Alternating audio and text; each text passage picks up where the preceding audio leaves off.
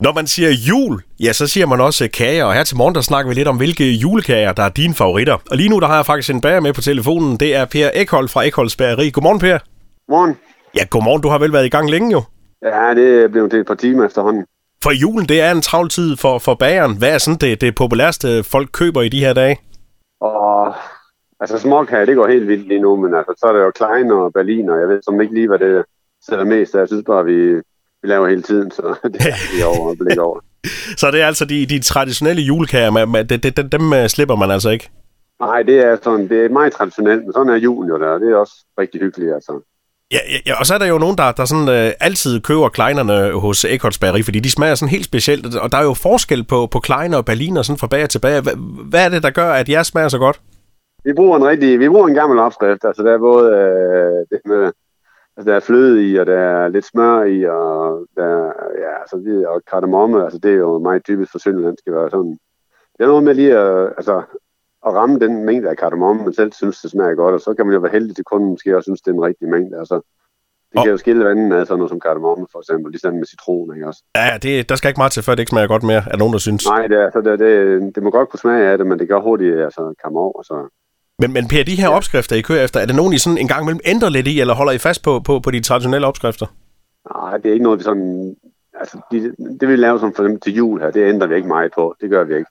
Det er nogle sikre nogen, vi har der, som vi sådan efterhånden... Altså, jeg er snart været i 30 år nu, så, så den udvikling, der har været der, den har jeg nok de, som har haft, det er sådan, sådan lidt mere på ryggraden, det kører med dem, tror jeg nok.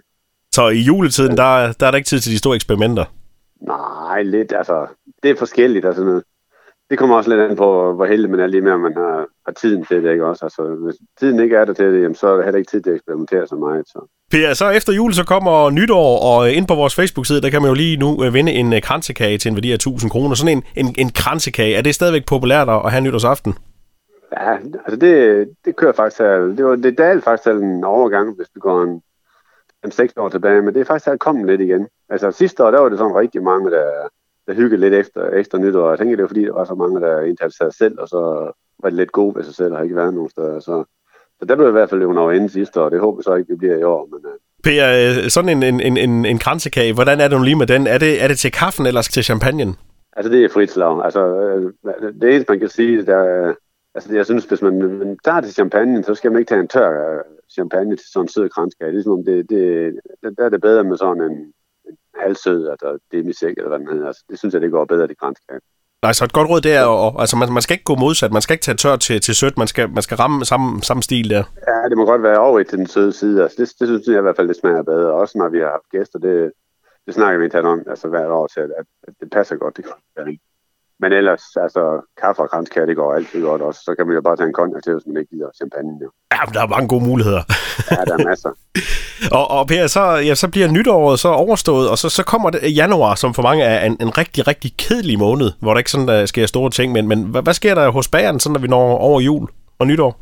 Ja, men der sker jo, altså vi går sådan det direkte i faste lavn, fordi det, det kommer jo lige efter der, så man, altså den første uge, 14, der, der er der sådan lidt stille, men det gør, heller ikke lige så voldsomt meget, at vi lige kan slappe lidt af. Ja, og så, så er vi også sådan blevet træt af julekager, så vil vi gerne have, have rundstykker ja. og franskbrød igen. Ja, det går ikke så mange kager der, altså det gør der ikke, men ja, ikke der lige, alt fast lavn, det, det, det går sådan til godt nok der, så.